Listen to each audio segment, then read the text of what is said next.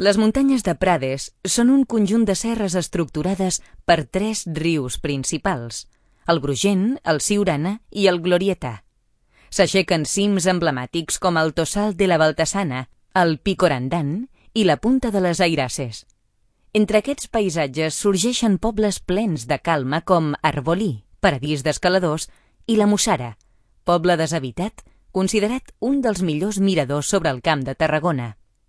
El casc antic de Prades, amb la seva església, font i plaça de pedra vermella, i el de Capafons, amb el seu antic forn de pa situat entre les cases i carrers empedrats, són alguns dels racons més interessants d'aquesta zona.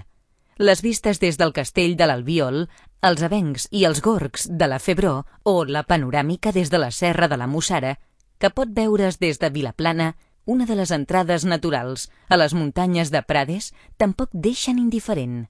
Les muntanyes de Prades són, sens dubte, un paradís pels amants de la naturalesa.